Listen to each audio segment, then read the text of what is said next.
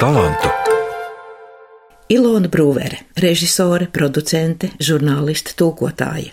Latvijas Kinematogrāfistu savienības, žurnālistu savienības, režisoru asociācijas un līdz 90. gadam arī Vācijas Federatīvās Republikas Kinematogrāfistu savienības biedre, saņēmusi daudz un dažādas balvas. Pavasarī pirmizrādi piedzīvoja viņas jaunākā filma Tapieris par Latvijā dzimušo tango karali Oskaru Stroku. Šobrīd ar savu raksturīgo visu vai neko Ilona Brūvere darbojas projektā Rīga, Eiropas kultūras galvaspilsēta divi vērienīgi pasākumi - Eiropas modes vēstures lapuses dāmu paradīze un liktenes lietu muzejs ir viņas lolojumi. Tas ir viens no mūsu svarīgākajiem uzdevumiem - uzbūvēt tiltu no nāves uz dzīvi, saka šo projektu autore, mūsu šodienas programmas galvenā varone. Stāstu par Ilonu Brūveru veido Girts Bišs, Valdis Raitums un Lieguļevska.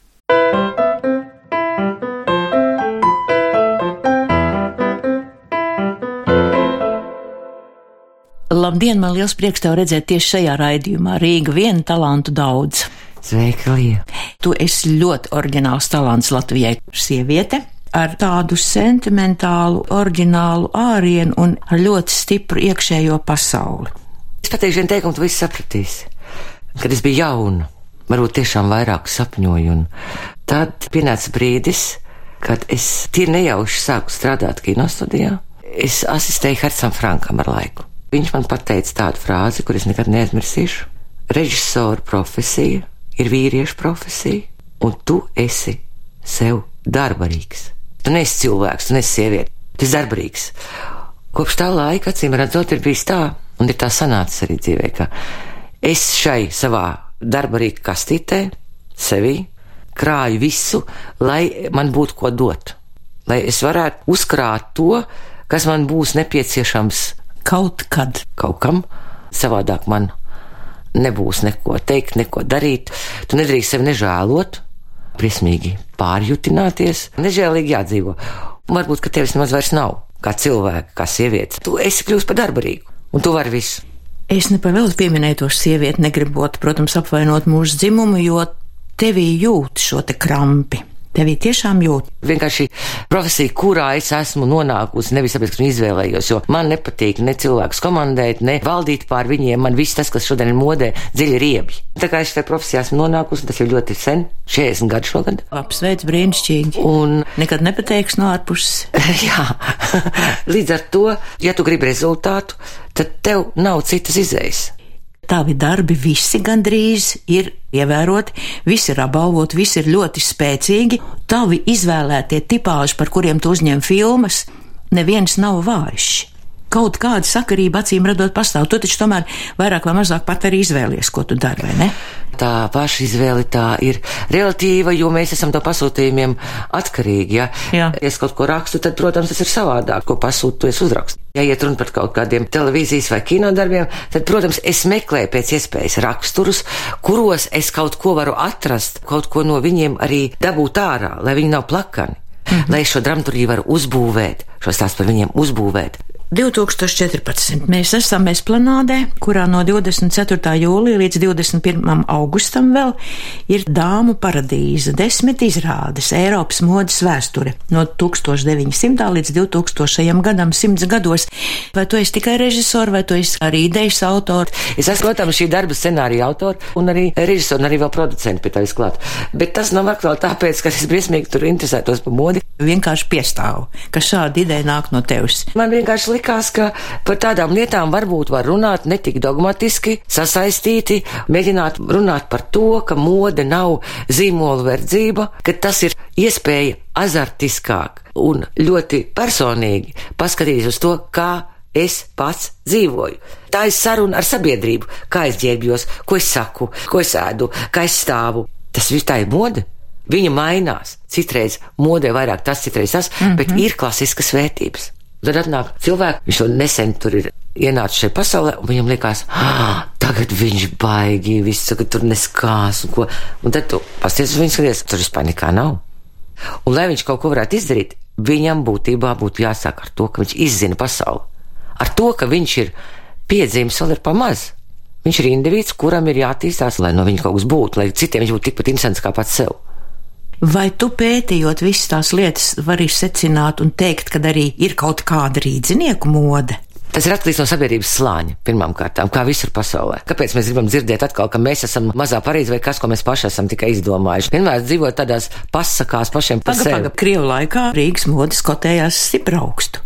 Nu, Savienības mērogā. Jā, bet mēs jau nerunājam par nu, ja, nu, laikiem. Nu, Eiropas prasu, kontekstā Latvija nav nekāda runa par metropoli, bet pietuvināta nav. Dāmas, kurām bija nauda, protams, regulāri brauc uz Parīzi un arī pasūtījuši tur savus tērpus iedvesmojās, atbrauc šeit varbūt attaisīja savus modes ateljē mm -hmm. un mēģināja līdzīgi pēc pieciem vai desmit gadiem, ja ne pēc divdesmit mm -hmm. gadiem, mm -hmm. zaģērbties. Ja, ja mēs runājam par šodienu, tad man arī patīk augstspējuši kurps. Es esmu ar viņiem staigājis arī Eiropā, kaut gan Eiropā inteliģentas sievietes uz augstiem papēžiem īpaši nestaigā pa ielu. Pa ielu jā. Mm -hmm. Bet arī uz tērni vienkārši šīs šausmīgi augstspējas kurpes, tās vairāk mēs varam šajos rozā kvartālos ieraudzīt sievietes mm -hmm. ar šādiem papēžiem, arī tā ģērbušās vairāk. Šeit to vairāk dara krievietes. Es arī ģērbjos kā krieviete. Un man krieviski uzrunā uz ielas. Nu, man tas īpaši neuztrauc, bet es tikai stāstu, ja tu prasi, kā mēs te izskatāmies. Tas ir atkal etikas jautājums, jo cilvēks, ja viņam arī ir nauda, etiski tas nav piedienīgi, ka es izrādos ar to visu. Modes aprindās turpinās jau šī darīšana ap modi un ar modi kāda ir skatītāja atsaucība un kāda ir šī publika naktīs. Pārsteidzoši, ka viss tas izrādes ir pilns, un cilvēki ne tikai atnāk uz to izrādi desmitos, bet atnāk vēl uz to nākošo divpadsmitos. Mēs caur šo modi tiešām stāstam par tehnikas jaunumiem tajās gadu desmitā, par zinātnes sasniegumiem, par politiku, par to, kā attīstās sabiedrība un mode. Mode ir šo notikumu spogulis. I'm calling, but no one will be hearing. I'm laughing, but I cannot be heard. I'm crying, but no one will be drying. Otrs tavs projekts. Tu piedāvāji liktenes lietu muzeju stūrmājā. Es vispār gribētu te pajautāt, pirms mēs runājam par šo, kā tev nāk šīs idejas, kā tu viņus noķēri? Kā Nē, tev... es varu tagad 50 uzreiz 10 minūtēs uzrakstīt, ko es varētu darīt, visu to izdarīt, bet kas tiek finansēts, to es arī daru. Izdomāt tā no māksla. Kuram katram idejas nerodās, man šķiet, ka Nezinu, man, ir zelta vērtībā. Man, man tas neko nemaksā. Vai tu vari pastāstīt par šo liktenes lietu muzeju? Man vispār stūra māju uzdzen, protams, šausmas kā visiem, un es pilnīgi enerģētiski jūtu, ka es pagaidām vēl neesmu gatava tajā pat ieiet. Varbūt man jāsāk ar to, Es nāku no ģimenes, kurā ir šīs abas puses, abas frontes bijušas. Mans vecais tēvs nomira Londonā 68. gadā, neatgriezies mājās, un mana vecā māma pēc mēneša nomira, jo viņa pēc kara visus šos gadus bija gaidījusi viņu, un viņš neatgriezās. Mans tēvs bija partijas funkcionārs. Viņš manai mammai aizliedz rakstīt tēvam vēstules, bet viņš bija dzīves baudītājs. Viņu izslēdz par to no partijas. Mans tēvs dienēja Krievu armijā, viņam bija 16 gadi, viņa paņēma armijā. Bet tāpēc manas vecāks neizsūtīja uz Sibīriju. Tas viss ir tā sasaistīts, bet viss vienā ģimenē bijis. Es esmu pati dzīvojusi emigrācijā desmit gadus, Rietumvācijā, un man likās to laiku, ka dzīve ir apstājusies. Jo es nekad nebiju gribējis būt kaut kas, es neesmu ne disidenti, nekas. Tas bija ģimenes apstākļu dēļ. Jā, tev un... trūka šī vieta. Pareizi tev ne tikai trūka, es vispār nelietoju tādas skaistas vārdas kā dzimta un salīdz. Man nepatīk. Tāpēc, ka cilvēki tos izmanto kā propagandas jēdzienus savām politiskajām interesēm vienmēr. Un tāpēc es neciešu šos jēdzienus. Es varu pateikt, ka es pamatā gribu būt mājās. Es esmu šeit dzimusi, es esmu šeit uzaugusi, un man tas ir svarīgi. Protams, tagad jau ir mazliet savādāk, Šeit daudz kas ir mainījies cilvēkos. Viņi kļuvuši savādāk. Labāk, sliktāk? Es domāju, ka labāki vēl viņi nav kļuvuši. Noteikti ne. Viņiem ir šī iespēja, vai viņi to izmantos, es nezinu. Pagaidām es to neredzu. Kaut gan 21. gadsimtā kapitāls mums piedāvā ļoti civilizētu formu, kuru mēs, diemžēl, mm -hmm. neesam aptvēruši ne vispār spējam viņā dzīvot. Vispār netveram, kas tas ir. Un tas ir diezgan traģiski. Līdz ar to šodien es pat izvēlētos varbūt atgriezties atpakaļ Eiropā. Es saku Eiropā, jo nu, es vēl nejūtu, ka te pie mums būtu Eiropa. Tas, ka mēs tur esam iestājušies, tas, ka mēs tur ko. ar to ir par maz. Tas ir domāšanas veids, kā mēs izturamies viens pret otru, mm -hmm. kā valsts izturas pret cilvēkiem saviem, kā sabiedrība vērtē to, kas notiek. Bet šeit viss notiek formāli, viss tiek pārvērsts par politiku. Un tajā brīdī man nav interesanti. Man te nav interesanti, te nekā vairs nav. Te ir politika, kur cilvēki zina, kādus vārdus lietot, kā runāt, lai viņi politiski būtu zirgā. Ja? Un mēs visu to saprotam un neko nedarām. Nevajadzētu viņus atbalstīt. Ilona, liktenes lietas. Kas cilvēkiem principā ir liktenes lietas? Tas liktenes lietas, tāpēc, ka man liekas, ka cilvēks sākas no viņam piederīgām lietām. Nevis no kaut kā, kas vispār kaut kur ir, vai, teiksim, mēs tagad darīsim visi to, un tagad mēs kāpēc visi, kāpēc visi, kāpēc visi. Mēs katrs atbildam pats par sevi. Es domāju, ja cilvēks ir atnesis to savu liktenes lietiņu, nu tad tā ir arī jābūt no sirds. Visi priekšmeti, kas mums pieder, kaut ko pa mums stāsta. Un tad, kad mūsu vairs nav, viņi piederot mūsu bērniem, atgādina gan par mums. Un ja mēs komunikatīvajā ķēdē esam bijuši socializēti, civilizēti izturējušies pret saviem bērniem, tad arī netiek sadedzināts. Tad netiek mums. sadedzināts, tad arī viņi atceras caur šo priekšmetu daudzas lietas no mūsu dzīves, tad paudzēs to var atcerēties. Tāpēc man likās svarīgi par to runāt un svarīgi šos priekšmetus savākt, kuri stāsta par dzīvi. Un tur ir gan tādas lietas, kas viegli stāsta par dzīvi, ir lietas, kas stāsta par šausmīgi traģiskiem notikumiem. Un no lietas, kurās nav nekā traģiska, kuras vienkārši sadzīviski stāsta par to, kā mēs dzīvojam vai dzīvojām. Tur ir dažādi stāsti, bet man tie priekšmeti bija interesanti caur to, ka viņi stāsta par cilvēku dzīvi ja mēs zinām jau tagad, un ir tomēr tā enerģētika, ko tu sajūti, esot ap šīm lietām? Šis atkal ir žurnālistisks darbs, publicistisks darbs, Liksensēt muzejs. Ja es strādāju, kā es teicu, es esmu darbarīgs. Man nav emociju ne tajā teātrī, ne tajās izrādēs, ne tajā filmā, tad, kad es strādāju pie viņas. Es savas emocijas izveicu tad, kad es viņu gatavoju. Es ielieku visu, ko es varu, mm -hmm. lai viņš tur ir iekšā lai cilvēki var paņemt, lai viņiem būtu tas. Bet tad, kad es jau viņas uzlikusi, man pret šo produktu nav nekādas attieksmes. Tas ir kā grāmatu uzrakstīt, aiztaisīt, sveikt, ciet, vai Jā. ne? Un nav. Citādāk jau tie tūkstoši darbi, kurus tu būtu mūžā izdarījis, viņi jau tev nospiest, tu jau sen būtu miris. Tās jau viss ir emocijas, kas tev mm. viņš ir jāizvar, tev tā grāmata jāizvar. Nevar arī jutināties, padomāt, 500 stāsti. Jā, es esmu tā kā tāda mašīna, kā cehs. Es ražoju to, kas tur ir. Ja? Ar to, ka, protams, mans pienākums ir dot emocijas, zināt, kas ir nepieciešams, kā pasniegt to. Lai citos izsaukt. Lai to, citos izsaukt. Tieši tā. Lai citos izsaukt šīs emocijas, kādi šie stāsti piedāvā. Bet, ja es pati jutināšos, tas jau nenozīmē, ka tie cilvēki spēs to līdz izjust. Paklausīsimies kaut ko ļoti un tad es vēl pajautāšu par tango karali Oskaru Stroku.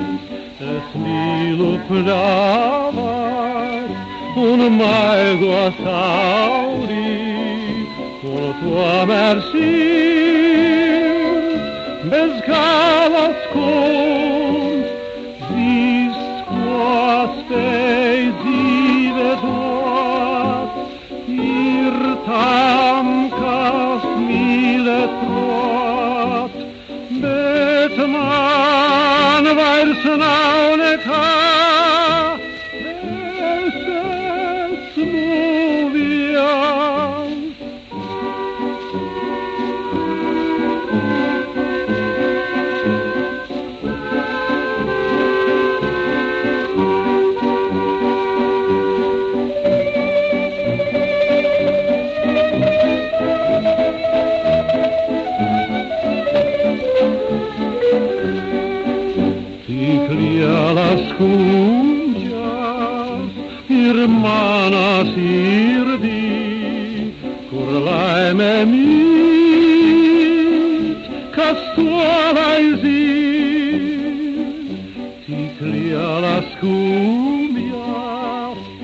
Manā sirdī, kur laime mīt, kas to lai zina. Kā tu nonāci līdz Oskaram Strokam? Pavasarī man šķiet, šajā pašā studijā runājot tavas filmas pirmizrādes sakarā, man liekas, ka tu tā īsti netika pie vārda. Man ļoti gribētos vēl, lai tu kādu vārdu pasakītu arī par to. Tur ir daudz tādas nianses. Es domāju, pirmkārt, to, ka privāti es esmu pārlieku jūtīgs un jutīgs cilvēks pārlieku. Es to nevaru atļauties dzīvē dzīvot. Tādi cilvēki mirst, viņi neizdzīvo. Līdz ar to vienīgais, ko es varu darīt, es varu tiešām visu to likt iekšā kaut kur. Līdz ar to, protams, man ir ļoti tuvs tango, ļoti tuvs. Tāpat arī stroka dzīve kā tāda. Es saprotu, ka daudziem cilvēkiem, kuri gaidīja filmu, vairāk izzinošu, varbūt, ka viņi ir vīlušies. Bet tad tas būtu televīzijas pasūtījums, es viņu veiktu. Šī filma bija vairāk tāda, nu, kā man patīk, kinodramaturģijā strādājot, piedāvāt emociju, sajūtas, šaubas, tēlu pasauli, kura dzīvē eksistē, bet kuru vajag tā kā izcelt saulītē. Un ar ekrānu viņu var izcelt saulītē. Tūplānā turklāt. Lai to varētu sajust, mm -hmm. jo dzīvē mēs visam tam paiem garām. Un kino ir tāda lieta, kurā mēs šos mirklus varam apstādināt. Tu ļoti labi jūties to filmu taisot. Kā var aparāts un agregāts labi justies? Viņš ir fabrika. Nevar kaifot, viņai vajag nodrošināt ražošanu. Abstrahējamies tagad no visiem cehiem, no visām mašīnām, no visas ražošanas. Tu jau minēji, ka tu esi ļoti emocionāli. Tev ir brīnišķīgs dēls, Matīs Liels, jau kā tu viņu audzinām. Man ļoti interesē šis process, zinot to, cik tev ir svarīgi viss, par ko tu tagad tikko runāji, vai tas kaut kādā veidā atspoguļojas arī tavā dēlā. Jā, vispār man pārsteidz tās ka viņš tā kā iznācis tāds, kādu es sev lielu dēlu vēlētos. Viņš tieši tāds arī iznācis. Vienīgais, ko es tiešām esmu darījusi, nu, es censos darīt, mēģinās viņu nelutināt. Jo tas neko labu nevar nest, un tik daudz es saprotu, es centusies to darīt. Es viņu, protams, ļoti mīlu. Nekad gan mēs par mākslu neesam runājuši, un es esmu darījis visu, lai viņš ar ne mūziku, ne mākslu nenodarbojās, ne glezniecību, jo tēvs mums ir mākslinieks, un mākslinieks dzīve ir baisa. Vienkārši baisa realitāte. Es tā uzskatu. Tāpēc nekad neesmu rosinājis viņai tādas lietas. Uz ko viņam pašam ir tendence? Viņš mācījās sporta skolā, un viņam ļoti patīk basketbols. Viņam viņš patīk arī, viņš spēlē, bet viņš nebūs profesionāls basketbolists. Mm -hmm. Un visu laiku viņš nevarēja izlemt, ko tad viņš grib darīt. Un pēkšņi, kādā pavasarī, TV netā tika izsludināts konkurss jauniešiem, un viņi rakstīja par narkotiku kaitību. Piemēriem no dzīves, viņš piedalījās šajā konkursā un ieguva godalgu un vēl honorāru. Un acīm redzot, tas viņu rosināja domāt par to, ka viņš var mēģināt kaut ko rakstīt, mm -hmm. ka viņš varētu kļūt par žurnālistu. Un tagad viņš ir iestājies komunikācijas zinātnēs universitātē. Zināmā mērā viņš turpina tomēr tavu līniju. Tā ir žurnālisti, tas ir mazāk kaitīgai. Es teiktu, ka tā ir ļoti interesanta profesija un arī var būt vairāk tomēr vīriešiem piemērota. Es vēl vienreiz atkārtot uzsveru tavu vēlmi cilvēkiem stāstīt par talantīgiem, ļoti stipriem, un es nevaru nepieminēt. Tā ir filma par Vēru Muhinu, un tā ir vēl filma par Arvīdu Ozoliņu, par mūsu brīnišķīgo baletdejotāju. Man vispār patīk cilvēki. Būtībā es privāti vairs laikam vispār nu, nevienam neticu, neko vairs tur nevar to iesākt. Tāds ir. Bet tā cilvēka mīlestība, kuru ikdienā acīm redzot, man tam vairs nepietiek spēka. To es tad varu, vai nu es rakstu, vai es filmēju. Vienmēr tas ir par cilvēkiem, jo es būtībā cilvēkus mīlu būtībā. Bet ikdienā es viņus vairs nespēju mīlēt. Par stipriem noteikti nav. Man interesē, laikam, drīzāk vājš. Stroks jau ir vājš. Tas nu, ir labi. Tas gala rezultāts. Bet visā šajā sakarībā vissvarīgākā lieta ir tā, ka mēs šeit pat Latvijā esot. Manā saprašanā ārkārtīgi skopi esam ar pateicību, ar paldies pateikšanu, ar pieminēšanu, ar atcerēšanos par saviem lieliem gariem, vienalga vai viņi stipri vai vāji, bet ir atstājuši ļoti paliekošas vērtības, un mēs viņus aizmirstam, un tāpēc vēl dubult un trīskārši paldies tev, ka tavos darbos viņi visi paliek, saproti? Nu jā, man vēl ir 40 filmiņas Latvijas televīzijā par visām kultūras personībām. Jā, figūras, par kurām tu saņem lielo Kristofu. Jā, bet figūras ir kaut kas cits. Figūrās filmējās Uldis Pucīts. Tā bija viņa pirmā filma, eksperimentāla filma vai avangards, kurā viņš piedalījās, man liekas, savā mūžā. Tas viņiem bija liels šoks. Bet es runāju par dominanti. Latvijas televīzijā šis cikls beidzās pirms gadiem desmit. Vienkārši nebija vairs finansējuma, bet tur man bija tāds cikls blakus citiem raidījumiem vēl mūža stipendijāti, un tur es stāstīju par cilvēkiem, kas savu mūžu ir atdevuši kultūrai, mākslā un tā tālāk. Jā. Bet, teiksim tā, Es tikpat labi stāstītu par pasnieku, ja man kāds ļautu, bet, ja man neļauj, tad es arī nevaru pastāstīt. Nē, protams, labi cilvēki ir visās profesijās, bet ir tomēr kaut kas, ko atstāja aiz sevis. Man šķiet, ka arī komandas, ar kurām tu strādā, arī tajās ir stipri cilvēki. Es baidos, ka tevi, ja tu esi šajā cehā iekšā, nu, ka tur nemaz vājš nevar ar tevi kopā sastrādāt. Nē, nu, tev ir nē, vienkārši ir, nē, ir, nē, ir tā, ka ir stingra disciplīna. Mm -hmm. Citādāk neko nevar izdarīt. Citādi tā ir piedalīšanās, bet man piedalīties nevajag. Man ja? vajag, lai cilvēks strādā. Un, ja viņš grib strādāt, viņam jāievēro disciplīna, tas ir normāli atdeve. Jā, nu, būtībā es strādāju daudz, un cilvēki, ar kuriem strādāju kopā, arī strādā daudz un liela atdeve. Tā tas ir. Nu, tā drusciņa un tā mazliet, tad tas gala rezultāts nav tāds kā. Ar, ar to, kā man vajadzētu būt. sasniegt. Jā. Jā. Tie kolēģi, kas man kopā strādā, zinu, un mēs strādājam jau gadiem kopā ar Gunta Lēmani, ar Elīnu Bandānu. Mans vīrs arī tur dažreiz iesaistās no filmas uz filmu vai no rādījuma uz rādījumu, mainās vēl cilvēki, kas piedalās, bet tie ir visi cilvēki, kuriem bez šīs rēnās ikdienas, kāda viņa pamatā ir, gribās arī kādu sapni, kuru viņi spēj piepildīt un padarīt redzamu, ka viņš nav tikai izdomāts, bet viņš ir.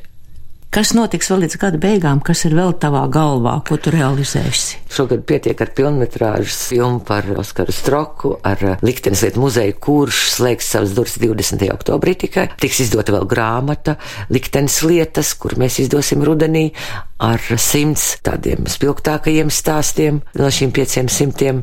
Un šīs desmit izrādes jau nenozīmē aiziet, uzkāpt uz skatuves un kaut ko pastāstīt. Tas nozīmē to, ka iestāts kinoarchīvs par šo gadu simtu, kur mēs esam uzfilmējuši, tādā katrai desmitgadēji ir uzbūvēta tāda tēla pasaule, kur mēs esam iefilmējuši.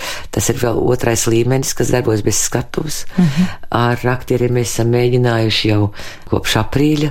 Filmēšanas prasīja arī trīs mēnešus. Tagad mēs būtībā strādājam bez brīvdienām, lai nodrošinātu šīs izrādes. Naktis arī tikpat kā nav. Jā, kamēr mēs visi savācam ir četri naktī. Mm -hmm. Tas nenozīmē, ka mēs otrā dienā neko nedaram. Es būtībā pēdējos piecus gadus strādāju bez brīvdienām, jo mēs jau te nerunājam par pasūtījumu darbiem, vairāk par valsts pasūtījumu. Šajā gadījumā Eiropas kultūras galvaspilsēta ir jau vēl citi darbi, kuri tad citus gadus ir aizņēmuši to laukumu un kaut kā tad sajūta, ka vajag beidzot nokāpt no tā šausmīgi trakā riteņa un mēģināt sākt dzīvot kā normāls cilvēks, ar normālām attiecībām, ar normālu tempu. Nevis vienkārši visu laiku skatīties pulksteni un zināt, nē, es tev pateikšu vienu vārdu. Es divus vārdus nevaru pateikt, jo man nav laika. Es nevaru atļauties, man enerģija tas noēd, jo man enerģija paliks mazāk tā. Es nevaru, es visu laiku tāds skaitītājs, ko tu vari ar savu enerģiju izdarīt. Gribās no tā nokāpt, no tā vilciena. Pagaidām es nevaru. Vai es to varēšu atļauties? Es ceru, un es gaidu to brīdi, kad man beigsies šīs izrādes. Es ceru, ka tad vismaz tā dzīve normalizēsies. Būs atvaļinājums. Es gribēšu to redzēt, kurš būs nākošais projekts, kurā tu atkal Nē, nu, es domāju, ka tagad strauji nekas tur nevar iegūties, jo pagaidām viss mums notiek pēc plāna. To visu, ko tu esi izdarījis vien, varētu izdarīt vēl kādi trīs vai četri vai pieci cilvēki. Ja tagad pēkšņi tāds brīnums notiek, pēdējais jautājums, kas būtu tas pirmais? Tu taču negulētu kājas gaisā. Man būtu garlaicīgi. Nu, es domāju, gan jā. Bet man liekas, ļoti smuki kaut ko maziņu, tā drusiņu.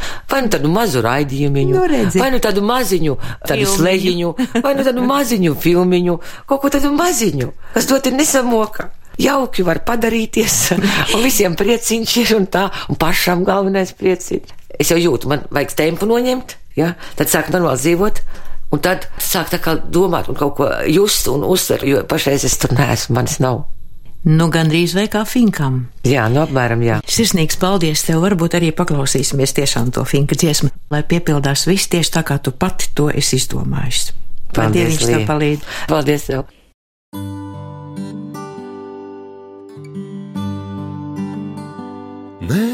Manis nav es esmu izdomāts no paša sākuma. līdz galam, un ticiet man, būs mierīgāks jums prāts. Uz veselību iedzerot palam, nē, manis nav, es esmu izsviedrēts no zemes dvēseles, kā rasa. Es lūdzu jūs, viņš tiešām izdomāts. Tā atbildiet par mani, ja kāds prasa. Varbūt kādreiz, varbūt kaut kad mēs tiksimies, mēs tiksimies kaut kur pie piramīdām un ļausim smagumā no sirds, tad smiltīs izslīdēt kā zīdam. Tad smiltīs izslīdēt kā zīdam. Nē, manis nav, ir tikai dīvains stāsts par citu zilā debes klusē. Jā, tas nu gan jau atkal zvaigznes šķīst, kā asaras uz visām debes pusēm. Varbūt kādreiz, varbūt kaut kad mēs tiksimies, mēs tiksimies kaut kur pie piramīdām un ļausim smagumam no sirds, tad smiltīs izslīdēt kā zīdam. Tad smiltīs izslīdēt kā zīdam. Nē, manis nav, es esmu izrunāts no mutes mutē. Tā kā mana ir tiesa gan, bija sākumā vārds bet beigās tikai dziļā klusēšanā. Varbūt kādreiz, varbūt kaut kad mēs tiksimies, mēs tiksimies kaut kur pie piramīdām un ļausim smagumam no sirds, tad smiltīs izslīdēt kā zīdam. Tad smiltīs izslīdēt kā zīdām. Varbūt kādreiz, varbūt kaut kad mēs tiksimies, mēs tiksimies kaut kur pie piramīdām un ļausim smagumam no sirds, tad smiltīs izslīdēt kā zīdām. Tad smiltīs izslīdēt kā zīdām. smiltīs izslīdēt kā zīdā.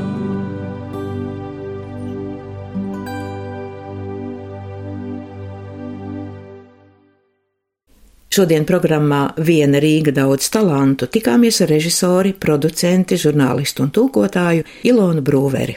Stāstu par režisoru veidoja Girts Bišs, Valdis Raitums un Līja Guļevska. Kas zina, varbūt kādreiz, kaut kad arī mēs vēl tiksimies.